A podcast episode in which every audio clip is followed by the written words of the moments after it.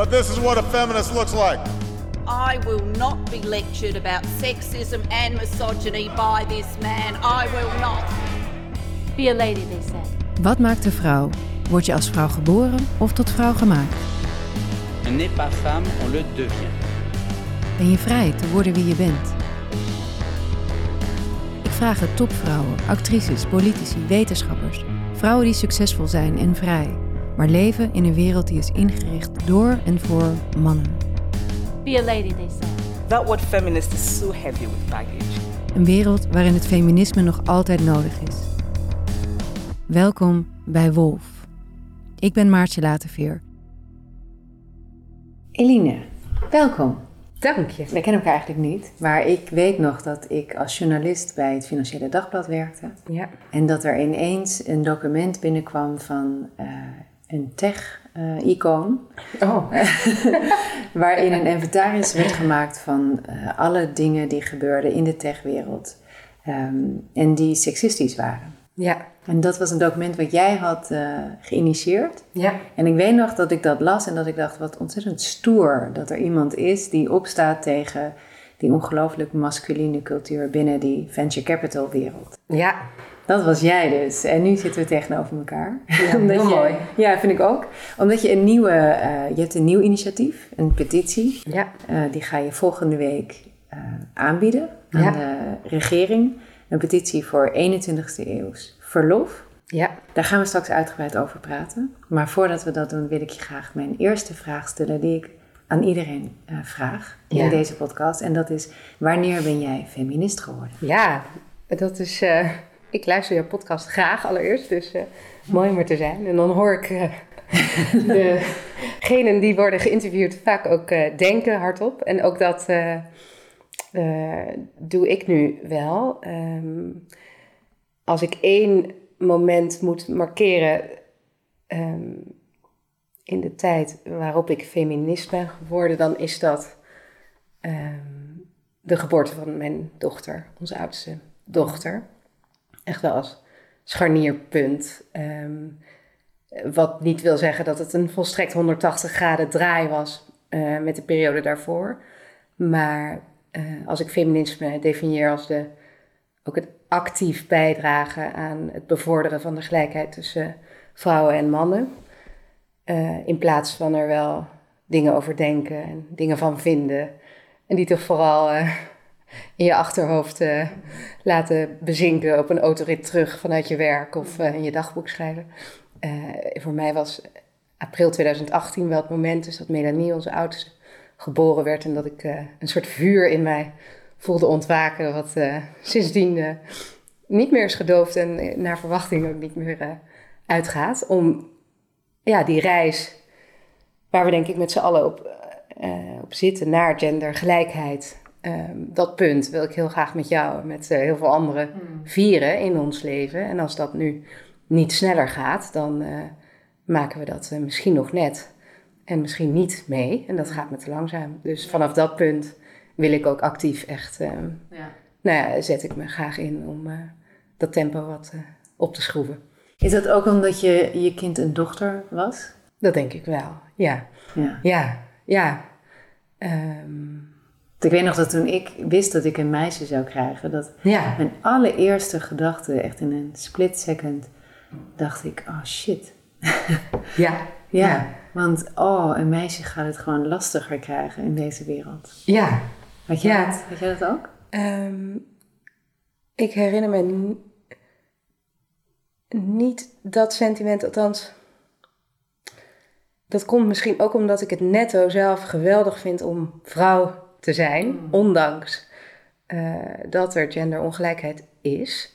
Geniet ik van het vrouw zijn en van de onderlinge verbondenheid die ik ervaar tussen vrouwen en ehm, ja, ook de, de, de kracht die ik in elk geval vrouwen toedicht. Dus ik was ook vrolijk. Nee, ik was wel. ehm, ik vond het een, een mooi bericht toen ik dat ook inderdaad wel gedurende de zwangerschap al eh, eh, hoorde. Ehm, maar wel toen zij er eenmaal was, eh, april 2018. En toen, om inderdaad in te haken op waar we elkaar van kennen, in september 2018, toen ik dus net weer ehm, nou, een, een maand uit mijn verlofbubbel was gedoken en weer eh, die start-up wereld eh, eh, inwandelde. Toen werd er een onderzoek gepubliceerd door twee ehm, inspirerende vrouwen, ook voor mij Eva de Mol en Janneke Niesen.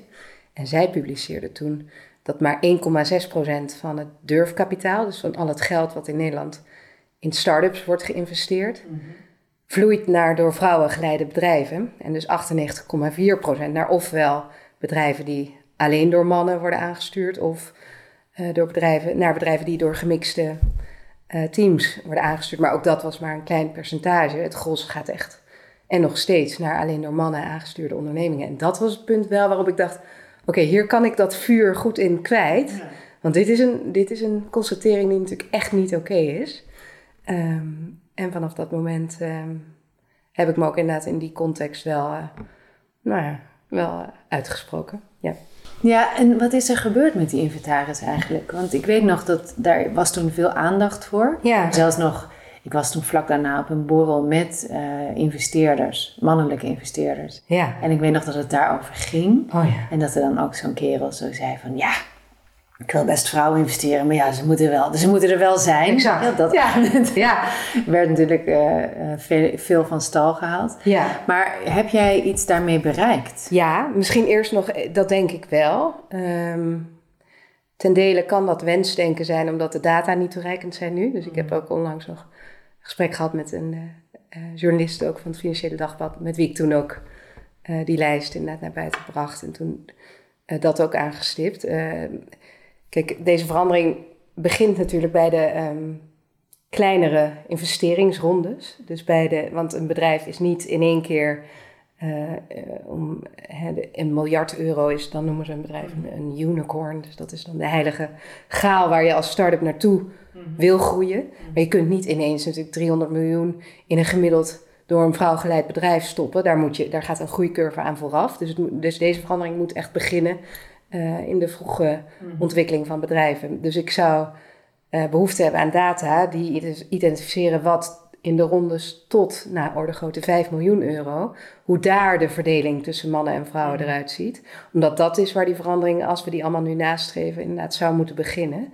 En de, de, nou, dit wordt meteen een heel economisch verhaal, is ook mijn achtergrond, maar de eh, afgelopen jaren worden wel gekenmerkt door een aantal heel grote investeringsrondes van eh, meerdere honderden miljoenen. Eh, die zijn opgehaald door door mannen geleide bedrijven. Dus als je al die data op een hoop gooit, dan is het is vertekend. vertekend. En het is heel moeilijk te ontwaren of we nu inderdaad versus 2019 Ja. vooruitgang hebben geboekt. Ja. Omdat het gemiddeld zeven jaar duurt om een bedrijf van nul tot unicorn, als je op dat punt komt, eh, te laten groeien. Ja. Ehm, maar ik, eh, om, hè, wat ik zei, misschien, eh, dat benoemden we net ook al even. Ik ben,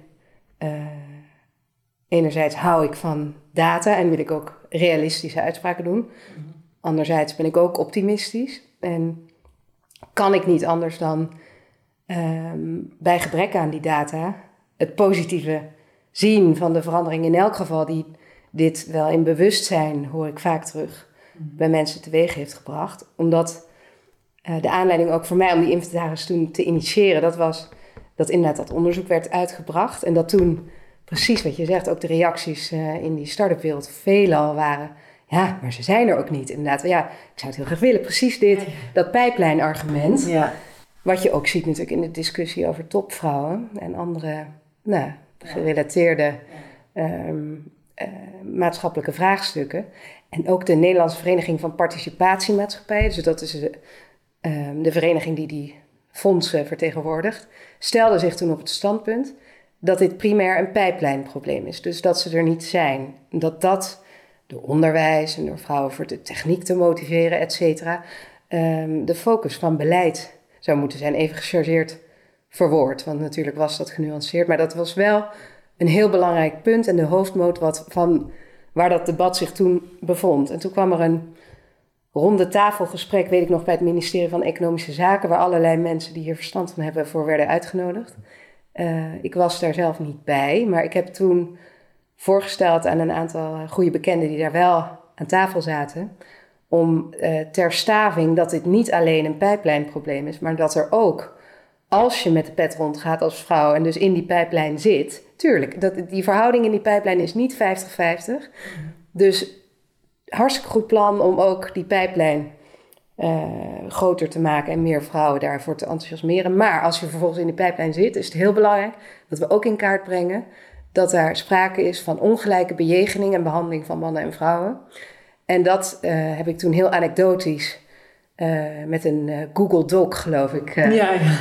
ja, waarin ik, Doc. ja, ik heb toen in, in een appgroep met, nou inmiddels zijn dat echt wel goede vriendinnen, maar ehm, eh, vrouwelijke ondernemers, de vraag gesteld: eh, als je ervaring hebt met ofwel een, een individuele investeerder of een fonds, ehm, waarbij je hebt afgevraagd: zou een man ook zo behandeld worden? Zou je die dan willen optekenen en zou je gewoon één korte quote, hoe, graag anoniem, want ik wilde ook niet nemen of shamen, dat was niet de insteek. Maar zou je dan kort dat ci- citaat van wat jou is gezegd eh, willen opschrijven, mits het recent is? Dat vond ik ook relevant, want anders, nou, je wil niet hier een beeld van de jaren negentig schetsen. Ehm, dus de afgelopen drie jaar in mijn hoofd. En ehm, eh, wil je dan aangeven of dat een fonds of een individu was? En toen kwamen er inderdaad dus allerlei citaten als... eh, ehm, en nou, we moeten jouw eh, mooie gezichtje wel maximaal benutten natuurlijk als we in jouw bedrijf investeren. Of, Zolang het houdbaar is ook, stond daar toch ja, achter? Ja, ja. Kan ik me nog wel. herinneren. Ja, zeker. Ja, ja dus dat... Had jij zelf van dat soort opmerkingen ook? Want jij had zelf ook een, een bedrijf opgezet, Plugify. ja, Een heel succesvol bedrijf. Ja. Won daar allerlei pitchwedstrijden mee. ja, dat is. Had jij met, eh, met dit soort opmerkingen of bejegeningen te maken? Ehm, jawel, ik heb daar zelf ook wel een paar, om, om de start te maken toen met dat document, een paar ingevuld. Ehm, dus ik kende dat zeker ook. En het viel me ook op wel dat dat toenam na, na de geboorte van onze dochter. Dus dat toen, Oh ja? dat herinner ik me nog wel goed. Want en dat, toen stond je 1-0 achter nou, als toen, moeder? ik was ehm, achteraf bezien, bedenk ik me ook. Ik, ik ben nu ook weer zwanger. Misschien voor de luisteraar ook. Als je denkt, wat hijgt deze vrouw? Dan is dat... Hoogzwanger. nou ja, de beperkte longinhoud eh, waar ik hier eh, mee aan tafel zit. Maar ehm, ik herinner me dat ik ehm, alweer vier weken na de geboorte... en dit zou ik dus niet willen uitdragen als eh, voorbeeld... want ik zou dit niet per se nog een keer doen. Maar tien, vier weken na de geboorte stond ik op een tech-conferentie... om daar weer... nou, dan wilde ik daar mijn gezicht laten zien... en laten zien dat ik er nog steeds ben. En ik vond dat ook... ja, ik was zeker in 2018 vond ik het heel belangrijk om dan goed te markeren dat ik naast moeder ook gewoon nog de professional ben en met dezelfde ambities. Dus ik stond daar, ik wilde daar ook graag eh, over mijn bedrijf praten en met investeerders ja, in een zakelijke context wel ook tot die zakelijke gesprekken komen. En toen, toen begrijp ik helemaal dat je, als je mensen die je ook kent, ziet en die zeggen: hey, is je baby geboren? En je zegt: Ja, mijn baby is geboren. Dat je dan eerst een, gezellig kletsje eh, maakt en een gesprek hebt over de geboorte van het kind. En oh, wat bijzonder. En dat had ik dus ook op die manier met eh, een investeerder die ook vader is. Maar toen, toen viel mij op dat dat gesprek ook werd beëindigd na twee minuten keuvelen over baby's. En toen, eh, nou wat leuk, hey, alle geluk met je dochter of zoiets. En toen, ja, ik dacht, nou nu hebben we deze gezelligheid, vind ik heel leuk. Ik was natuurlijk helemaal vol van mijn kind, dus ik wilde daar graag over delen. Maar ik kwam daar ook wel met het doel om ook Zaken te over zaken te praten. En daar kwamen wij niet echt toe. En zo, ja, er is ook heel veel onderzoek wat uitwijst. Dat je hebt dan de motherhood bias. Ik weet Ja. ja, ja de moederschap ehm, vooroordelen. En vragen ook, ehm, ja, als ik dan uitte dat we Europa wilden veroveren, dan... Maar, maar je werkt denk ik, eh, hoeveel dagen werk je? Ja. Drie, vier, dat kreeg je zo. En ik, ja, ik maakte toen de keuze om vijf dagen betaald werk te doen. Wil ik ook even markeren, want ik denk, maar goed, nu, dit is weer een zijspoor. Maar eh, we moeten onbetaald werk ook eens even gaan waarderen als eh, wereld. Dus ik koos er toen voor om vijf dagen betaald werk eh, voor mijn bedrijf te doen. Maar de, de aanname was dus al heel gauw, Ja. oh, maar je werkt drie of vier dagen. En hoe moet dat dan met die Europese ambities? En ik heb ook wel eens, ja, maar ik heb wel eens een mail gekregen van een meneer... die eigenlijk op zich, eh, denk ik, eh, heel vriendelijk eh, dit bedoelde... maar ook in een bepaald systeem opereert... wat nog allerlei aannames maakt. En, en hij had vragen over de stukken die ik hem had gestuurd over de investeringsmogelijkheid. En had hij allemaal heel mooi in bullets, in punten opgeschreven in een e-mail. Het was vraag 10 inderdaad. kijk ook naar jouzelf en jouw rol als CEO. Ehm, hoe, hoe past dit eh, binnen het gezin of hoe verhoudt dit zich tot jouw gezin? Vraagteken. En toen, nou ja. Wauw, mijn mond valt open. Ja, ja, ja, dus dit was een. Dat zou toch aan een mannelijke... Nee, dit was een meneer die woont in België. Moet ik, dus, eh, maar goed, ik kan hier niet een cultuurverschil eh, Nederland-België Nee. opplakken. Dat Ik geloof niet dat dit eh, typisch Belgisch Nee, is. en dat denk ik Nederland ook niet zou voorkomen. Nee, nee, absoluut niet. Maar toen, ja, je treft me nu op een meer reflectief punt. Dat ik er op terugkijk natuurlijk. Ehm, dat ligt nu achter mij. En toen kwam het stoom uit mijn oren, omdat ik daadwerkelijk echt heel veel tijd ook wel kwijt was aan gesprekken waarin ik ehm, eh, steeds tegen deze aannames eh, op moest eh, boksen. Terwijl natuurlijk tegelijkertijd mijn man in zijn rol als medisch specialist helemaal niet dit soort vragen kreeg of, of aannames eh, en alleen maar werd gefeliciteerd. En eh, nou ja, wa- wat ik vaak lees in eh, kranten over dat mannen na de geboorte van een kind juist meer voor vol worden aangezien, of in elk geval nou, ja, nog als kostwinner nog eens even een extra klap op de rug hè? krijgen. Ja, eh, en, en loonsverhoging vaak. Hè? ja, ja, exact. Ja, ja. Nou ja, dat getuigt, dat frustreerde mij. Ja. En dat maakte wel dat ik toen op een punt zat dat echt het stoom uit mijn oren kwam. Toen heb ik dus ook op LinkedIn een screenshot, allemaal anoniem, van deze e-mail wel gedeeld. Met het is tijd, ja, het is nu tijd. En toen konden we stemmen. Ik weet niet meer wat voor verkiezingen, provinciale staten of zo. Toen zei ik, het is tijd nu om te stemmen voor kansengelijkheid. Gelijkheid. En eh, ik ben daar klaar voor. En eh, zie onderste punt. Ja, dus Was jij niet zo- bang dat dit tegen jou zou werken? Want jij, jij werkte, ja, je had je bedrijf. Je Ja. was afhankelijk natuurlijk van investeerders. Ja. Was jij niet bang dat, dat op een bepaalde manier toch die investeerders dan zouden denken... Nou, Ehm, pittig wijfje, maar, Eh, maar nee. Ja, enerzijds wel. En anderzijds weegt eh, voor mij toch zwaarder de eh, drang om ehm, eh, serieus te worden genomen en ehm, eh, ook op mijn merites te worden beoordeeld. Ik was toen al twee keer cum laude afgestudeerd. Ik ben nu weer een jaar naar de studiebank gegaan, nu voor de derde keer. Ik heb een heel gezond stel hersens en ik heb echt geen... ehm, ja, ik leef in mijn hoofd gewoon. Ik heb tot mijn 25 ook echt in de veronderstelling geleefd dat de wereld gelijk was. Zo ben ik grootgebracht. Ehm, dus dit hele, eh, deze hele dynamiek, dynamiek was mij echt wel onbekend. Totdat ik de arbeidsmarkt in Nederland betrad. Ehm, dus ik, ik heb. Ja, ik, kan goed nadenken. Ik wil ook graag eh, eh, mooie dingen doen. Dus ik had grote ambities met dit bedrijf. Maar dan wil ik wel ook, voor mij is gewoon vanzelfsprekendheid, dat je daarbij elkaar volledig serieus neemt. En, en mij niet op een andere manier beoordeelt of bekijkt dan je een man zou beoordelen of bekijken. En dan denk ik ook dat je, en daarom, dus ik was aan de ene kant wel bang, wat zouden mensen van mij denken? Ehm, omdat ik dit ook spannend vind en van nature vroeger bijvoorbeeld een heel verlegen kind was. Dus dit is voor mij ver buiten mijn comfortzone, om het zo even te noemen. Ehm, maar toch denk ik dat het belangrijk is op bepaalde punten in je leven om kleur te bekennen. En dat je dan ook, ehm, als je op die manier stelling neemt, dat het ook heel veel goeds brengt. En dat heeft het me ook zowel zakelijk als persoonlijk gebracht. Want er waren investeringsfondsen eh, die juist naar aanleiding daarvan eh, naar Plugify zijn gaan kijken. Er zijn investeerders ook geweest die op basis hiervan heel enthousiast zijn geworden toen ik ook dat, eh, nou ja, die misstanden eigenlijk aankaartte en daar ook over op tv verscheen. Dat heeft ook ehm, Mannelijke investeerders? allebei, zowel mannen als vrouwen.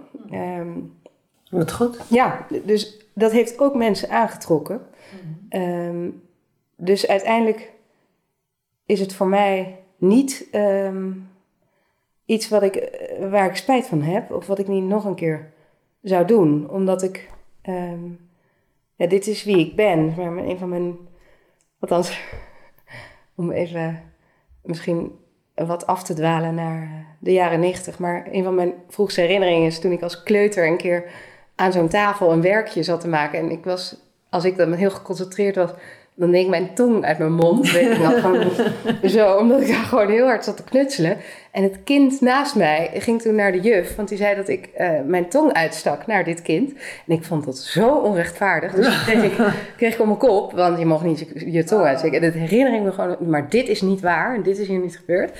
En dat, gewoon, gewoon die herinnering is nog steeds denk ik wel heel kenmerkend voor wie ik ben. Dus als, ja, ik vind het prachtig en ik ga ook heel lang eh, met je mee als je gewoon eerst eh, gezellig me wil leren kennen en dan daarna over de business wil praten. Maar dit was wel een fase waarin die ervaringen zich zo opstapelden dat ik dacht, en nu is het wel even Nu is het geweest. Ja, Nu is het ja. meer eerlijk. ja precies. Ja.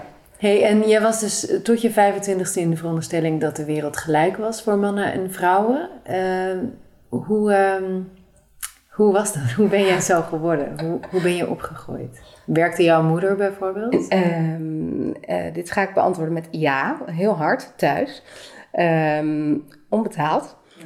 Ehm, dus zij is op haar 33ste gestopt als fysiotherapeut na tien jaar eh, dat hebben gedaan. En heeft zich toen gewijd aan eh, de zorg voor mij en mijn broertje en zusje. Ze zijn met z'n drieën, drie kinderen. Mijn vader is dokter, dus die werkte hard, fulltime. Ehm, dus dat was een traditioneel eh, gezin, in die zin, de traditionele rolverdeling. En daarna heeft mijn moeder eh, veel vrijwilligerswerk, ook eh, nu nog steeds bij een hospice, waar ze nou, meerdere dagen in de week mensen die daar doodgaan verzorgt. Dus ik, eh, ik heb laatst ook een paar jaar geleden op de radio het betoog gehouden dat ik vind dat dat ook als werk moet worden gewaardeerd. En dat we daar dus uit het narratief eh, waarom werken vrouwen niet eh, moeten stappen om eh, zorg ook meer te waarderen. Hmm. Als je alleen al kijkt naar de demografische ontwikkelingen, zouden we ons zorgen mogen maken over Ja, het gebrek aan waardering voor zorg. En daarom ook heel blij met bijvoorbeeld de stukken van Limberger in de correspondent, die daar ook Ja. een lans voor breekt. Maar ook als je kijkt naar de aarde, denk ik dat we de skill zorgen wel eens wat, ondergewaardeerd hebben. ja, wat meer mogen waarderen.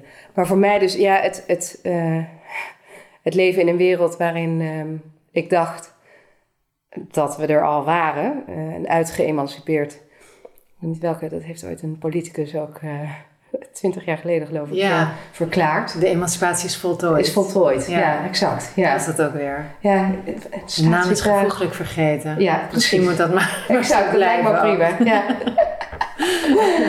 en, ehm, eh, maar dat was wel dus mijn wereldbeeld in elk geval toen ik op mijn 25ste begon aan mijn eerste baan.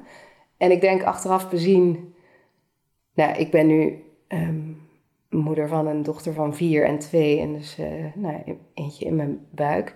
Ik denk dat ik zeker eh, ja, in de puberteit en zo belangrijk vind om dit langzaam gewoon met elkaar te verkennen en af te pellen. Want heb jij als puber nooit afgevraagd waarom... Of, of de wereld voor jou anders was dan voor de jongens op school bijvoorbeeld? Of, Nee, dus eigenlijk, maar ik denk ook wel. en ook niet toen je ging studeren. Je zat bij, in Rotterdam bij Ja. studentenkoor. Ja, nou daar jawel. eh maar ik, eh, het onderwijssysteem zelf is. ehm, er studeren ook, geloof ik, meer vrouwen dan mannen inmiddels af Ja. aan de Nederlandse universiteit. Ja. Eh, het onderwijssysteem zelf is, lag mij goed. Dat ging me altijd eh, makkelijk af. Dus ik heb daarin nooit het idee gehad. En eh, misschien daarom ook wel juist zoveel zin gehad om weer even het afgelopen jaar te gaan studeren. Weet je, geef mij maar een boek en eh 30 artikelen en dan duik ik daarin. En dan eh, ik kan dat goed voorbereiden en haal ik goede puntjes. Maar ehm, daarna gaat het natuurlijk om alles wat... Sociale dingen. Ah, Ja, al het, Ja. eh, alles wat gebeurt buiten Ja. de gebaande paden en inderdaad het belang van eh, nou, hoe hoger je komt, eh, golven en al dat soort sociale Ja. ongein eromheen, waar de, de, ja, toch de echte sympathie wordt gekweekt voor de jonge pupil die naar boven wordt geduwd in organisaties. Ja, dat, ging, dat, dat was allemaal heel nieuw voor mij. Dus dat. dat Dus jij ontdekte, ja, toen je ging werken, toen, toen pas ontdekte je dat de wereld toch iets anders in elkaar zit. Ja, nou, nou nee, kijk, in mijn studententijd, in Rotterdam, inderdaad, waar ik ook eh, eh, lid ben geweest van de studentenvereniging van het studentenkoor, wat toen nog eh, gescheiden was. Dus een vrouwenvereniging en een mannenvereniging. Dat was een bijzonder vrouwenvriendelijk klimaat. Als er luisteraars zijn die daar nog bij zijn aangesloten, dan hoop ik dat jullie nu dat tij hebben gekeerd. Wat in Amsterdam overduidelijk niet is eh, gebeurd. nee, daarom vraag ik het ook naar. Ja, zeker. Nee, Rotterdam was echt. Nee, maar ik, ik heb eh, met afgrijzen gekeken naar de beelden eh, uit Amsterdam van deze zomer. Even voor de luisteraar die deze zomer onder een steen leefde. Ja.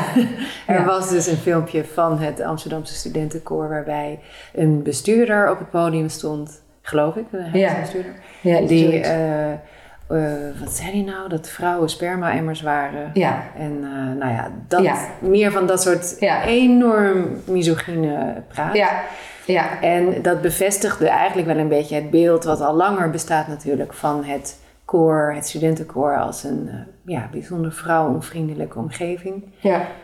Dus ik heb niet bij het koor gezeten. Dus Nee. ik vind het altijd heel fascinerend eh, om aan vrouwen te vragen hoe, Ja. die daar wel bij hebben Ja. gezeten, hoe zij dat hebben ervaren. Ja, in Rotterdam als een. eh, eh, vooropgesteld, ik heb daar wel een geweldige studententijd gehad. Ik heb gezongen in de Hermes House Band. Dus dat, was, dat is eigenlijk voor mij mijn grootste invulling naast studeren van mijn studententijd geweest. En dat was met acht mannen en een hele goede vriendin nu nog.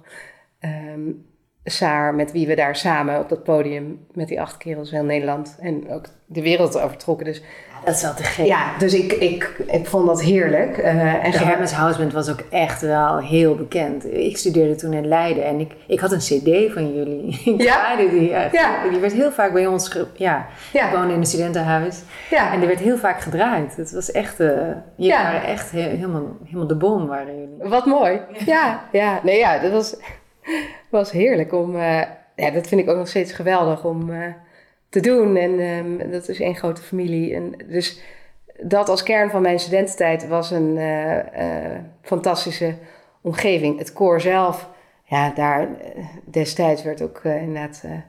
het woord hoer was veel geregeld, gewoon in groepsverband. Hoer, en dan zo naar beneden roepen, waar wij dan ons verblijf hadden.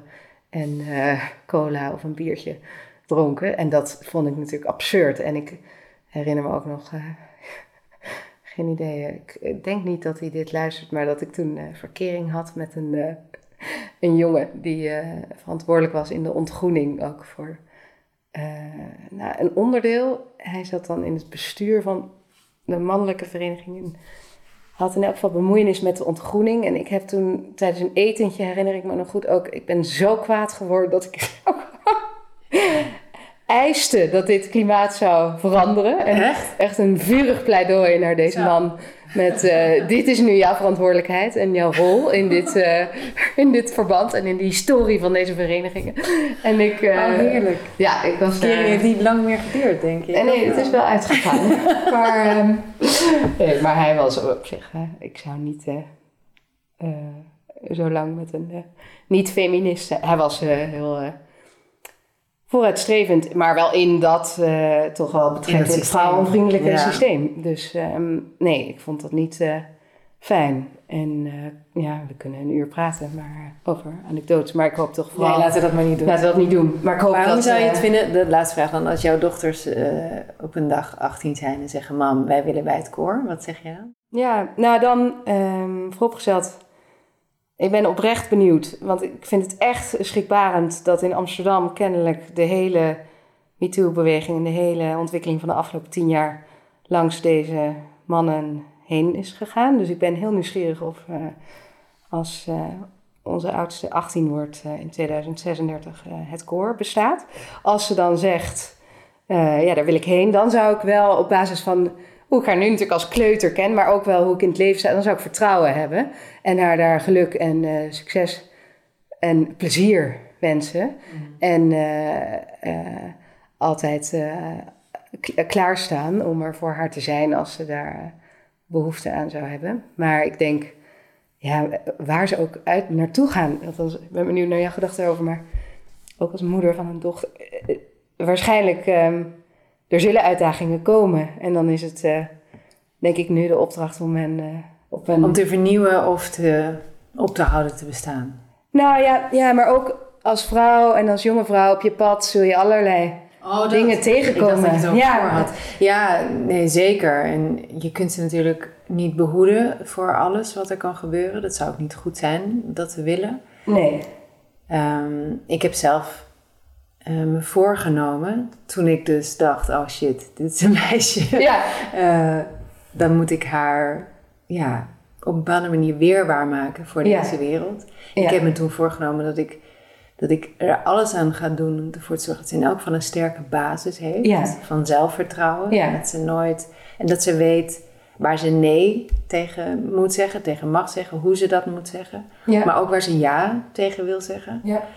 En ehm, ik, heb, ik worstel wel nog steeds. Ze, ze is nu 11, ze wordt nu wat ouder. En ze komt in de puberteit. Ik worstel soms wel met, met de vraag hoeveel ga ik vertellen. Ja. Ik wil haar niet bang maken Nee. voor de wereld. Tegelijkertijd wil ik wel dat ze beseft dat eh, bepaalde dingen kunnen gebeuren. Ja. Eh, en dat ze daarvoor ja, moet oppassen. Ja. Ja. Ehm, Ja. maar ik geloof heel erg in voorleven. Volgens Ja. mij is de invloed van ouders eh, ja, beperkt. Ja. Eh, en is de invloed van eh, internet en, en de wereld veel groter Ja. geworden over Ja. de laatste paar jaar. Zeker. En ik denk ehm, dat eh, wat je het beste kunt doen als ouder, als moeder en als vader, is zelf het goede voorbeeld geven. Als in vrij leven, autonoom leven.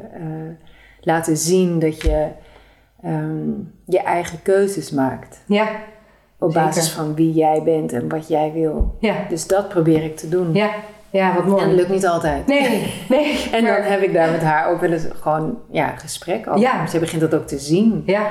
en een vraag over te stellen. Ja. En dan heb ik weer te hard gewerkt bijvoorbeeld. En, en, dan, dan- Ja. en dan begint ze daarover. En dan probeer ik wel met haar te praten over wat daar vaak achter zit. Dat ik toch vaak het gevoel heb dat ik mezelf moet bewijzen in een Ja. ja, wereld waarin, dat, waarin het niet altijd evident is om succesvol te zijn als vrouw. Ja. Dus die gesprekken hebben we wel. Ze is er niet heel ontvankelijk voor nog. Nee, maar... Maar misschien omdat het ja, voor haar nog helemaal niet leeft. Zij, Nee. zij ziet helemaal niet dat die wereld voor jongens anders is dan voor meisjes. Nee. Dus het boeit haar ook nog niet zo. Nee. En dat is ook goed. Ja, dat is oké, denk ik. Maar wat mooi om dat eh, Ja. zo te verkennen. Ik, ja, voor mij... Dat is, althans, ouderschap voor mij ook... Je, je kunt je echt nog geen voorstelling maken van hoe dat... Nee. Ik niet, althans. Van Nee. hoe die gesprekken straks gaan Nee, zijn. die zullen bij jou ook anders zijn. Want jij Ja. bent anders en jouw Ja, kinderen zijn zeker. anders natuurlijk. Ja, ja. Maar ik heb wel, net als jij, eh, enorm vertrouwen in mijn dochter. Ja. Op een of andere manier. Als zij, als zij naar het koor zou willen, bijvoorbeeld. Ja, Wat ik niet denk, maar stel dat zij dat zou willen, dan zou ik er met alle vertrouwen daar naartoe laten gaan en zeggen: Nou, succes, veel plezier. ja, ja, En ja, ja, haar loslaten daar. ja, ja. Ja. Mooi. Ja, Hé, hey, maar eh, jij bent, ja, nu als moeder eh, ben jij, nou niet als moeder, als vrouw, als feminist, Ja. ben jij aanjager van een nieuw initiatief. Ja. En dat vind ik wel een heel erg tof initiatief. Eh, En dat is een, een petitie van 21ste eeuws verlof. Ik vind de titel ook zo mooi. Het klinkt zo heel officieel, klinkt het. Alsof het de geschiedenisboeken ingaat. Het is een soort markering. Oh, mooi. Dit, Ja. eh, 22 november 2022. Dat was de dag van het 21ste eeuws verlof. Yes. Maar kun je daar meer over vertellen? Wat Ja, staat er in die petitie? Zeker. Ehm, die petitie gaat over de verlofregeling in Nederland na de geboorte van een kind. En het is een oproep aan de regering om die ehm, te moderniseren. En om ook in Nederland, zoals we zeggen, is het tijd voor 21ste eeuws verlof. Dat wil zeggen, dus ik ga hem nu even aan je pitchen. Dat is alweer even geleden, maar eh, ik ga die vaardigheden weer even afstoffen. Maar eh, drie dingen. Eén is, ehm, ik vind het absurd dat in een tijd waarin eh, de meerderheid van de Nederlandse ouders van kinderen onder de 18 aangeeft de zorg voor kinderen gelijk te willen verdelen, maar dat maar een derde van de stellen lukt, dat de overheid bij de geboorte van ieder kind in Nederland nog steeds dicteert dat het verlof dat degene die dat kind op de wereld zet, om dat even inclusief te formuleren, langer is en beter is betaald dan het verlof van degene, als er sprake is van een partner, eh, die de vader is of die haar partner is. eh, en die natuurlijk ook een kind krijgt. Eh, dat is in veel ons omringende landen, en met name dan in Noord-Europa en in IJsland, echt heel achterhaald. Daar wordt dat gender gelijk ingericht, omdat er twee mensen meestal, hè, natuurlijk soms ook één of nog andere scenario's, een kind krijgen.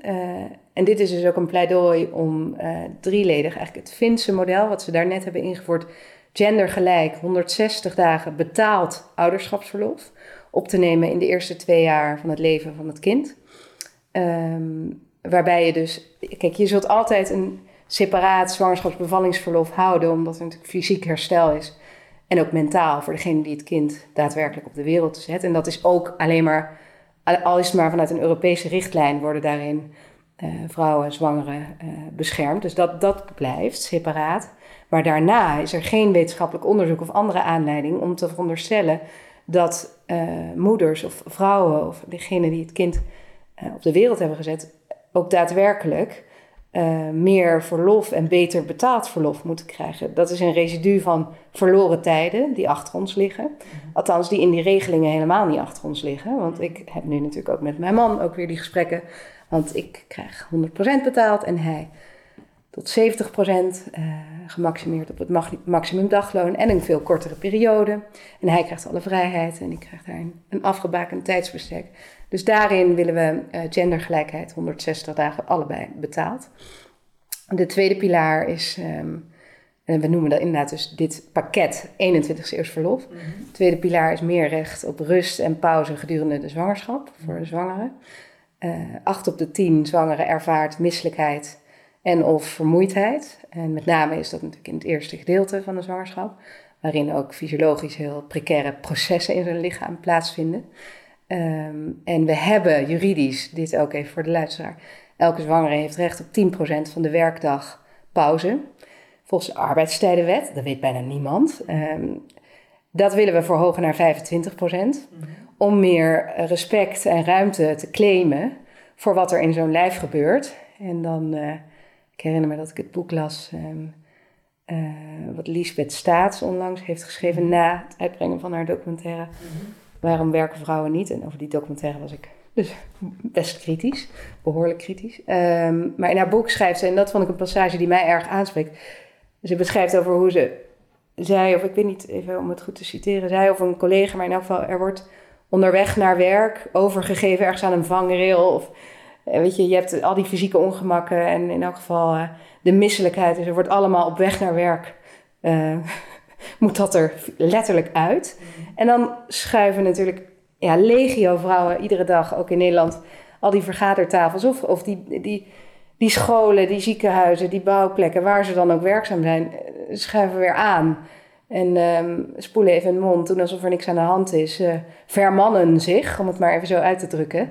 En uh, gaan um, lekker vurig de dag in.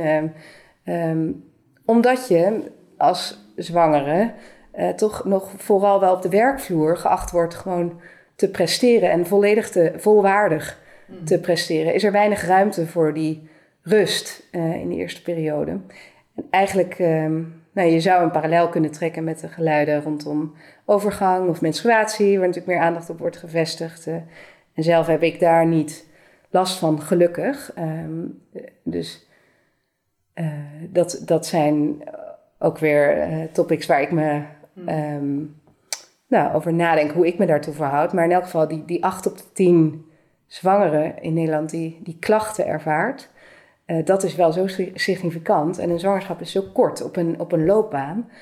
En wat er gebeurt in een lijf is zo belangrijk. Ja, Precies. Voor, de, voor, voor ook het kind. Voor ook het kind. Want ja, ik weet dat ik heel hard heb gewerkt toen ik zwanger was. En dat ik in de laatste maanden van mijn zwangerschap uh, echt uh, ineens medisch werd. Omdat mijn dochter ja. te klein was. Ah. Dus daar is echt iets... Ja. En, en de oorzaak was stress. Nou weet ik niet of dat ook echt zo, een kausaal verband. wordt ja. Wel, ja, ja. een kausaal verband. Er werd ja. wel gezegd, dus dat verergerde het alleen maar. Ja. Ik was helemaal, helemaal van streek daardoor. Ja. Maar het is inderdaad wel zo dat ik heel hard heb gewerkt. Ja. Ook omdat ik dacht dat, dat, dat ik dat moest doen. Ja. Ik was overigens ook, ik was uh, ZZP'er toen. Ja. En um, ik geloof dat ik toen net wel of net niet nog uh, zwangerschaps uitkering Oh ja. kreeg. Ja. Dus ik moest ook heel hard werken om mijn eigen centjes Ja, te verdienen. Ik was heel bang dat ik te weinig geld zou verdienen. ja, Dus dat is een hele, je zit al in een fysiek kwetsbare positie, eh, maar je bent ook nog eens kwetsbaar omdat je niet genoeg geld eh, ja, dreigt te verdienen. ja. En daar was geen enkel vangnet voor. Nee. Met dus consequenties voor de groei van mijn dochter. Jee, ja, ja. Dus het is, ik vind het een Nou. heel reëel punt dat je aan, aanstipt. Ja, het is ook wel. Ik vind het mooi dat je dat deelt. En ik herken ook zelf in ieder geval dat ik wel veel stress ervoer, ook als ondernemer. Zeker in, nou, in beide zwangerschappen. Want gedurende de eerste zwangerschap ehm, speelde van alles. En in de tweede hebben mijn compagnon en ik faillissement aangevraagd van mijn bedrijf. eh, ten tijde van de coronacrisis. We waren actief in de culturele sector. Dus dat was toen in combinatie met hoogzwanger zijn, heb ik dat als heel intens beleefd. Eh, eh, zij was ook betrekkelijk klein en ik kan niet duiden natuurlijk eh, wat daar het verband is. Maar ik herinner me wel dat toen ik zwanger was van de oudste, ik op een gegeven moment bij de huisarts zat met zulke hoofdpijn. En dat, toen kreeg ik wel een soort preek, herinner, althans zo kijk ik daarop terug met... Ja, je kunt het maar één keer doen, hè, zo'n ehm, dit kind dragen. En je kunt maar één keer goed voor jezelf zorgen, want nu heb je ook de verantwoordelijkheid voor je kind.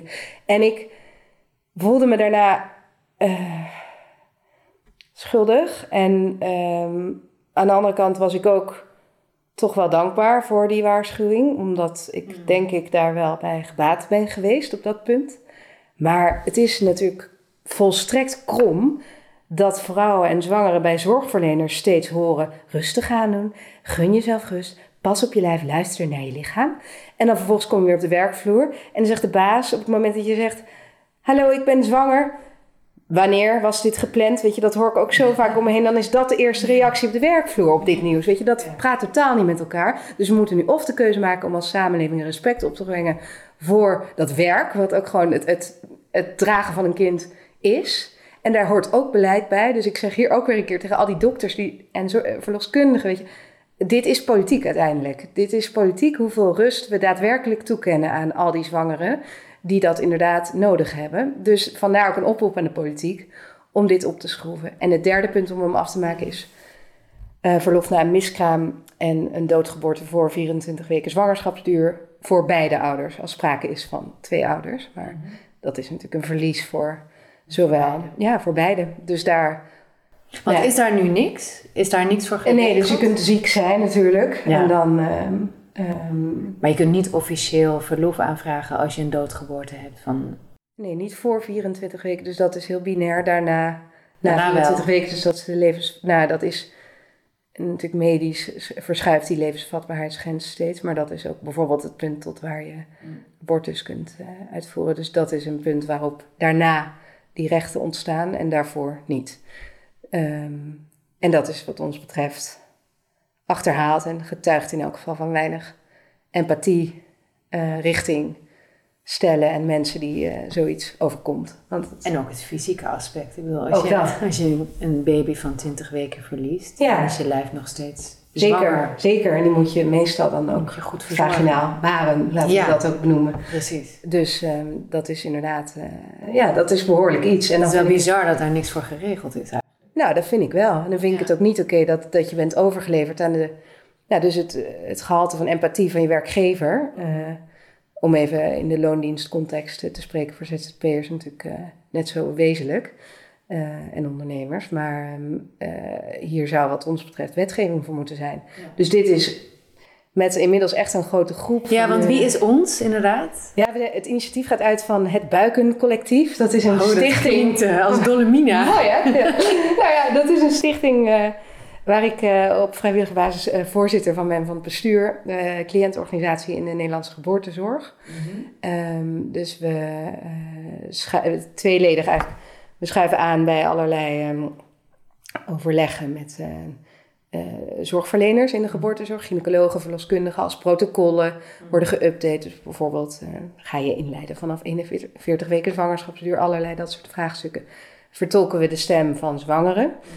Ehm, en anderzijds, ik heb ja gezegd tegen eh, deze vraag om hier bij deze stichting betrokken te zijn, omdat ik ook politiek actief ben en hier ook een grote noodzaak zie om beleidsmatig eh, stappen te zetten richting dus inderdaad 21ste eeuws verlof. Ja. Eh, zowel om gendergelijkheid te bevorderen als om meer respect en ruimte te claimen voor ouderschap.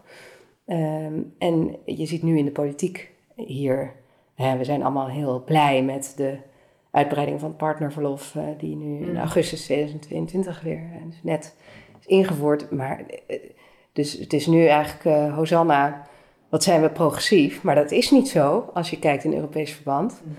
Ehm, dus we zijn nu met een groep van eh bijna Nog even 40 los van de vraag, sorry dat ik onderbreek, Ja. maar dat verlof wordt niet altijd opgenomen ook, hè, Oh, door nee. mannen, omdat ze bang Zeker. zijn voor hun carrièrekansen of omdat ze niet een voorbeeld zien op de werkvloer van een man die dat ook doet, omdat ze peer pressure vrezen. Ja. Dus hier spelen die traditionele rolpatronen nog, nog een heel grote rol, Zeker. die dus in stand worden gehouden door deze tweedeling die jij Ja, exact. noemde. Exact. En onderzoek ook, ehm, ik kan nu, eh, volgens mij vanuit de Europese Commissie, maar eh was een goed stuk eh, in Vrij Nederland van een aantal jaar geleden, waarin dat ook wordt aangehaald. Pas vanaf 80% vergoeding van zo'n verlof is het daadwerkelijk financieel toegankelijk voor Dat mensen. is nog een reden, ja. En dat was pre eh, deze Oekraïne-oorlog 70. en Oh, koopkrachtcrisis Ja. natuurlijk ook nog. Ja, ik bedoel nu, ja, bij ons ook. Het gaat naar de crash en de energierekening is vervijfvoudigd. En nou, ja, d- weet je, voor jonge stellen is er natuurlijk weinig marge nu. Dus heel veel mensen, ja, dit het hele verlof is nu een elitair ja. feestje. En dan zie je ook dat de theoretisch opgeleiden veel meer dit opnemen dan de praktisch opgeleiden. Dus ja, dan... eh, het is niet oké. Nog even los van wat je ook heel terecht benoemt, inderdaad, de maatschappelijke stigma's bij mannen en vaders om het dan op te nemen. In sommige werkomgevingen meer dan in andere. Ehm, maar ook daarom eh, bevat de petitie ook een oproep aan de regering om. eh, eh, hoe noem je die ook weer? die- Wat zijn die, eh, die campagnes van de overheid? Hoe heet het? ook? De, Sierencampagne? ja, een campagne waarin inderdaad vanuit belastinggeld betaald het eh, in plaats van een slimme meid is op haar toekomst voorbereid, maar dan eh, een slimme vent eh, runt thuis de tent of nou ja, dit schud ik even thuis. Zo. Ze kunnen jou inschakelen Ze de kunnen mij bellen, maar ja, er moet ook gewoon even een flink budget tegen het Ja. cool maken van eh, het luiers verschonen voor kerels aan, want anders komen we er ook niet. Dus dat moet er ook bij. Wat is het plan met de petitie? Ja, dus we gaan de petitie. ehm eh, we zitten hier nu eh, op eh, donderdag 16 november dit gesprek te horen. Maar het plan is om op eh, dinsdag 22 november op de virtuele barricades te gaan. Dus eigenlijk heel simpel met deze groep. Dus uiteenlopen van journalisten, schrijvers, ondernemers, wetenschappers. Vinden we dit allemaal belangrijk en urgent? En gaan we dus een, een, een oproep delen, een post met iedereen een persoonlijk verhaal vaak waarom dit belangrijk is. Met als oproep teken deze petitie en deel hem vooral. Nou, dan ehm, En ga je ook naar Den Haag toe? ja, zeker. Maar dinsdag, dus dinsdag gaan we hem echt lanceren. Met nog even die kanttekening dat het... Nou, het zijn natuurlijk eh, eh, geen rustige tijden op het wereldtoneel. Dus we kijken eerst eens even hoe NOS.nl ervoor staat, 's ochtends. en dan eh, exact, of Ja. niet eh, nog meer eh, landsgrenzen zijn overschreden in de oorlog eh, op ons continent. En dan kijken we of het een goed moment is. Ja. En dan lanceren we hem. En dan ehm, in de loop van volgend jaar. En ik ben zelf voorstander van. maar ik zou zelf graag ook het willen aanbieden, natuurlijk. Dus ik hou ook een slag om de arm. Althans, ik ben opgegroeid. Ik woon al mijn hele leven rondom dokters. Dus afhankelijk ook van gezondheid van ons kindje straks en hoe het gewoon gaat. Ja. Zou ik heel mooi vinden om naar Den Haag te gaan. Maar dan leek me eigenlijk, Maartje, maar ik ben benieuwd wat jij ervan vindt. Mij lijkt Moederdag nou wel een geschikte dag. Om dan even... Je vaderdag. Nee, maar ik dacht ook, ja, die bloemen. Zo, ik ben gekke bloemen, hè. I love it. Ik vind het heel romantisch ook om in de watten te worden gelegd op zo'n dag. Maar, ehm, en ik heb hier dus ook even over getwijfeld. Maar kijk, Moederdag heeft gewoon een heel commerciële oorsprong. Is begin van de vorige eeuw eh, naar Nederland gehaald. Ik heb er even naar gezocht. Omdat met name bloemenhandelaren wel... eh, Oh, is dat zo? Mijn moeder zei altijd dat het een, dat het een verzinsel van Hitler was. Maar dat... Oh, oh ja? Ik heb het nooit geverifieerd. Oh, nou, ik heb ook- ik weet niet of om ik die reden heb ik altijd in een een soort gekke- van eh, moederdag haat. Heb ik Oh. altijd. Daar ben Oh. ik mee opgegroeid. Ja, ja, ja, ja. Nou, ik denk in Maar ik weet het niet, ja. Nee. Oh, misschien zitten we hier in verschillende. Nou, je hebt in deze fake eh, Wikipedia zitten we te putten. Ja. Ja, de, de, ik pin me er niet op vast. Ik weet het niet. Mijn moeder eh, deed wel vaker dit soort eh, rare uitspraken. Maar, ehm, Maar die- ja, de gedachte. of Internationale Vrouwendag. Ja, dat is ook een overweging. Maar ten eerste, ja, dan ben Dan ik ben sowieso zelf nog redelijk Ja. eh, ehm, in andere sferen, denk ik. En ik vind het juist ook wel mooi, althans we gaan natuurlijk tijdens uh, Internationale Vrouwenmaand ook uh, echt wel op de trommel slaan en hier weer aandacht op vestigen. Gelukkig is er ook veel meer aandacht, steeds meer voor het belang van die nou, gelijke kans om te zorgen uh, in het kader van ehm, de positie van vrouwen. Dus volgens mij is er echt momentum om dit door te voeren. Maar ik dacht aan, waarom ik dacht aan Moederdag was ook wel, ja, wat ik ook belangrijk vind.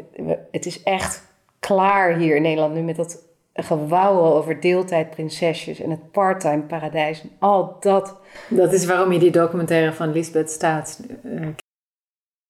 Ja, onder meer. Um, primair was daar mijn kritiek. De titel die veronderstelt dat vrouwen niet werken, is inderdaad, vind ik fundamenteel verkeerd, omdat dat een bepaalde definitie van werk um, veronderstelt waarbij je alleen maar uh, betaald kunt werken. En ik denk toch echt dat uh, als jij vertegenwoordiger bent in de sigarettenindustrie, nou, het spijt me als je persoonlijk aangevat voelt als iemand luistert op wie dit betrekking heeft, maar dat dat een maatschappelijk toch echt minder waarde heeft dan het verzorgen van mensen in een, op vrijwillige basis in een mantelzorgsetting bijvoorbeeld. Dus ik, ik ben kritisch op het... het grootbrengen van kinderen. Of het grootbrengen van kinderen, ja inderdaad. Ze noemen. De belastingbetalers van straks en uh, degene die ook het pensioen van veel van die critici van nu uh, straks gaan opleveren. Ja. Dus, en ik denk bij heel veel dingen die in de wereld gebeuren, denk ik, jeetje, als, als Poetin nou toch eens een liefhebbende ouder had gehad. Ja, oh ja. Of, of Trump. Of de, ja. Wat zou de wereld dan... Ja. Hoe zou de wereld er dan uitzien, vraag ik me wel eens af. Ja, ja. ja, de, ja dat Niet dat dat de taak van moeders is, maar... Um, nee, maar... Van, dus vaders en moeders. Maar ja, dat is een hele ondergewaardeerde taak. Ja, die dat we denk ik. niet zien als uh, Nee, en dan denk nuttig. ik... Ik ken ook geen land dat eigenlijk zo vrouwonvriendelijk is... in dat debat over die arbeidsparticipatie. Dat, dat als Nederland. Als Nederland. Mm. En dus ik, dus ik breek echt graag een lans. Ik ga echt graag op de barricades voor Nederlandse vrouwen. Om, um, nou, wat ik eerder toen ik zei, uh, het, om een standbeeld uh, voor ze op te richten. En dus ook ja, die moederdag vind ik wel. Kijk, uh, mijn kinderen zijn voor mij het belangrijkste wezens naast mijn man op de aarde. Dus ik ben dol op al die tekeningen. Maar kinderen, voor kinderen is het natuurlijk elke dag moederdag. Het maakt ze helemaal geen zak uit dat er bloemenhandelaren en andere winkels zijn die daar een bepaalde commerciële uh, invalshoek aan geven en proberen daar uh, allerlei waar te slijten. Dus ja, ik denk dat als we als land echt moeders een cadeau willen geven en echt uh, die vrouwen in het zonnetje willen zetten, nou, dan kom dan maar even door met, met gelijk verlof. En met 21 eerst verlof. Ja. Dus ja, vandaar. Ja, nee, ik snap de gedachte. Ik vind hem heel mooi. Ik zou het gewoon ook op Vaderdag doen. Ja. Gewoon allebei. Vind ik mooi. Want het is ook een cadeau aan vaders. Zeker. Ja, dat is alle het mannen die eigenlijk het liefst ook voor hun kinderen Zeker. zorgen. Heel belangrijk. Dat ja. is ook een belangrijke boodschap die daarvan uitgaat. Klopt. Absoluut. Ja. Hé, hey, maar heel eventjes... Um, Jullie gaan die petitie aanbieden. Uh, wat, wat hoop je of wat verwacht je? Je kent, hè, je kent Den Haag een beetje, ja. je bent politiek actief. Ja. Wat, uh, nou, wat denk je dat er gaat gebeuren? Ik maak me vooropgesteld geen illusies dat ik niet denk dat dit in, uh, volgend jaar in beleid wordt omgezet. Maar wat ik in elk geval. En het lastige is ook bij dit soort dingen dat het nooit exact meetbaar zal zijn, dus wat precies het effect is geweest mm. van deze actie. Uh, maar wat ik uh, wil en waar ik ook heilig in geloof, is dat als we met een uh, grote groep mensen, en ik zie gewoon het momentum, ik proef het ook aan alle reacties van mensen die ik nog nooit heb ontmoet en aan wie ik dan via via wordt geïntroduceerd, en om zeggen: ja, dit is zo'n goed idee, dit is echt tijd. Um, wil ik dat dit de politieke agenda binnencijpelt. En dat dit dus ook in plaats van alles over voltijdsbonussen, waar het nu over gaat. En dat we, nou, ook vorige week weer allerlei tweets van.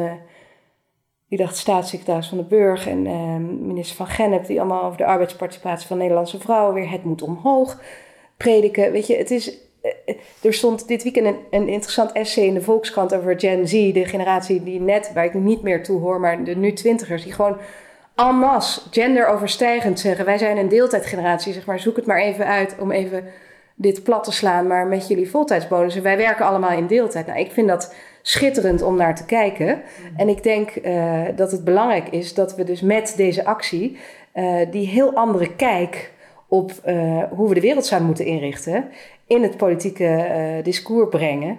En ik hoop en ik verwacht en ik ben er echt wel van overtuigd. Want dit zijn eh, politici zijn wel natuurlijk uiteindelijk de, eh degene die de wil van het volk in beleid moeten en ook willen, de goede ook willen omzetten. Dus je ziet ook de kanteling, vind ik, in eh, bepaalde columns in kranten. Sophie van Gol vind ik heel verfrissend. Is natuurlijk bij jou te gast geweest.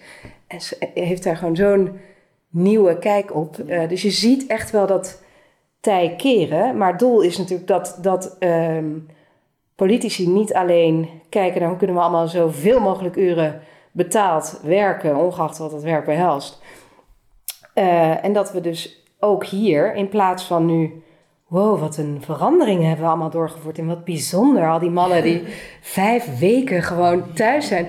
Weet je, dat we dus eh, verder gaan. En dat het tempo van die verandering omhoog gaat. En dat we ook blijven geloven. Dat vind ik het mooie. Iemand eh, schreef me, je hebt de activist in mij weer eh, wakker gemaakt. Toen dacht ik, ja, maar het is wel belangrijk. Weet je, we zijn allemaal individuen, maar met elkaar hebben we macht. En niet, niet omdat ik op macht uit ben, maar hebben we, we hebben gewoon de kracht om met elkaar iets, te, ehm, iets in beweging te zetten. En ik heb alle vertrouwen in dat dat dan ehm, eh, die toekomstmuziek die het nu nog is, maar dat dat beleid en werkelijkheid wordt. Als we dat maar gewoon zeggen. En als we maar gewoon een streep trekken met nee, het is nu klaar met het part-time paradijs. Hoe haal je het in je hoofd om dit nog als kwaliteitskrant af te drukken en over te nemen?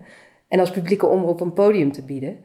En als we dat met elkaar blijven herhalen, dan geloof ik echt dat dat, eh, nou, zeker met weer een nieuwe generatie kiezers die elk jaar natuurlijk, eh, ehm, en hopelijk wordt die grens nog wat verlaagd, die elk jaar erbij komt, geloof ik dat dit eh, aanstaande is. Maar dan moeten we het wel, moeten we het wel zeggen, moeten we het wel vragen, ja. moeten we het wel doen. Ja. Nou, jij zegt het in elk geval. Ja. Super, super mooi. Eh, dank daarvoor. Ehm, ik wens je heel veel succes volgende week met de petitie. En eh, ik weet zeker dat je, dat je een vorm van succes ermee gaat behalen.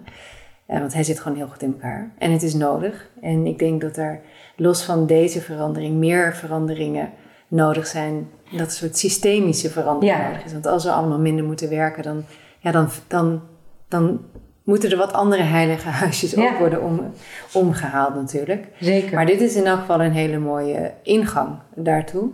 En ik, ik betrapte mezelf ineens op dat ik ging tellen... hey, hoe vaak heb ik in Wolf nou al gasten gehad... die over moederschap kwamen vertellen? Dat waren, Ja. dat waren toch best wel vaak. Terwijl ik, ik dat helemaal niet had bedacht van tevoren... dat dat een thema zou kunnen Ja. zijn. Een belangrijk thema. Nu voor mij zit feminisme heel erg in werk... en in eh, Ja, eh, ja, vrouwenlichaam en vrou- autonomie... eh, om te worden wie je bent... Maar dat moederschap is wel degelijk een hele belangrijke factor daarin. En Ja. is ook politiek. Ja. Is heel politiek. Ja. Veel politieker dan ik, dan ik dacht eigenlijk. Ja. Misschien ook wel omdat ik altijd dacht... oh ja, maar ik wil als vrouw dus niet over moederschap gaan praten. Want precies. dat is een beetje... Ja, dan ga ik eh, weer rolpatronen bevestigen. Nee, ik moet het hebben over de werkende Exact, vrouw. ja. Maar daarin, precies- dit vind ik wel mooi, dat je dit, daarin heb ik ook echt een ontwikkeling doorgemaakt. En ik vind het ehm, belangrijk om daarin ook te zeggen, ik ben vrouw en ik ben moeder. En dat zijn twee naast elkaar en in harmonie bestaande identiteiten. En ehm, ik zal altijd vrouw blijven, maar dat moederschap is voor mij ook, net zoals voor veel mannen, het vaderschap, een wezenlijke verandering geweest. Ja. En waar ik naartoe wil is dat wel kunnen benoemen. En niet verstoppen om maar inderdaad ehm, eh, in, een, in een toch... En hier kom je op het vraagstuk mannelijk, vrouwelijk leiderschap. Nou, er zijn ook duizend boeken over geschreven. Maar ik denk wel dat we juist ook eh, als vrouwen de ruimte moeten claimen. Omdat toch, we zijn... eh, uiteindelijk, ik luister een mooie podcast met primatoloog Frans de Waal en uh, New Female Leaders. Ja, we zijn, we zijn dieren uiteindelijk. Er is nature en nurture, het is allebei. Maar we zijn, wij zijn vrouwen en er zijn mannen. En we hebben ook iets te bieden, wat ook eh, zowel vanuit die nature en die nurture natuurlijk eh, verfrissend kan zijn. Dus het is, en moederschap is daarin een element. Waar wij een uniek perspe- perspectief op Exact. hebben. Daar gaat het natuurlijk om. Ja, exact. Ik bedoel, we dragen, we baren, we voeden kinderen. beslissen over iets wat wij meemaken. Zeker, Dat is eigenlijk absurd. Zeker. En dan, kijk, waar ik naar streef is een wereld waarin ehm, beide, alle ouders die een kind verwachten als dat kind gewenst is, puur dat geluk kunnen ervaren. Wat ik nu zie bij mijn eigen man op het moment dat ik hem verras met een zwangerschapstest en zeggen we krijgen een kind. En dan is bij mij ook hoe dat dan gaat. Ik vind het belangrijk om daar open over te zijn, ook hoe dat dan gaat bij mij. Dus ik ben eerst dolgelukkig. Ik vind het geweldig. Het is nou ja, ik vind het een wonder en ik heb genoeg vriendinnen die daarmee worstelen met vruchtbaarheid. Dus ik, ik ben heel dankbaar. En ik ben nu drie keer heb ik het geluk gehad zwanger te zijn geweest. En drie keer heb ik ook gehad in de dagen daarna dat ik me beklemd voelde. En mijn positie als professional voelde, ehm, onder druk voelde staan. En ineens het juk van al die verwachtingen en al die aannames over wie ik dan nu professioneel nog zou zijn, op me voelde drukken. En die beklemming kan ik wel met mijn man bespreken, maar herkent hij niet, omdat, hij, een, omdat hij vanuit een ander perspectief in deze wereld leeft. En alleen maar, ja, toen onze oudste werd geboren en we echt nog eh, in de 18e eeuw leefden qua verlofregelingen, ging hij na zijn twee dagen wettelijk verlof weer naar zijn werk, ontving daar de bloemen. Ik lag in mijn kraambed met haar. En, weet je, dat was daar de setting.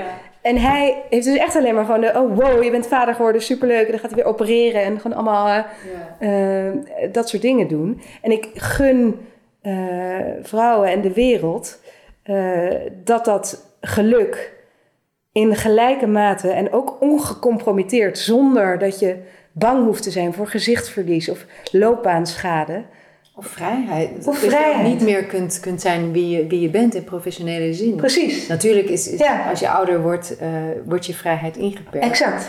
Maar dat is bij vrouwen nog altijd anders en fundamenteler dan bij mannen. Die Dat kunnen klopt, gewoon hun ja, werk blijven doen. Precies dat, maar dan vind ik het dus interessant. Simone de Beauvoir bijvoorbeeld heeft natuurlijk in het midden van de vorige eeuw geschreven...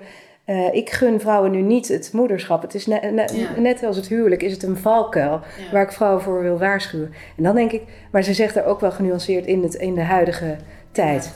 En ik wil toe naar een tijd waarin dat niet meer een juk is, waarin je dus eh, de moederwoede, waar ook geregeld over wordt geschreven nu, waarin we dat als, als wereld achter ons laten, omdat het gelijk is. En omdat het dan dus ook dat mooie kan zijn, wat denk ik heel veel Ja, vrouwen die luisteren ook herkennen. ja, En puur dat. ja. En dat het gelijk gedeeld wordt. Ja, Ja, ja. dank. Ja, dank. En eh, nou ja, tot volgende week. We Mooi. van jou. Ja, geweldig. Dankjewel. Dank je wel.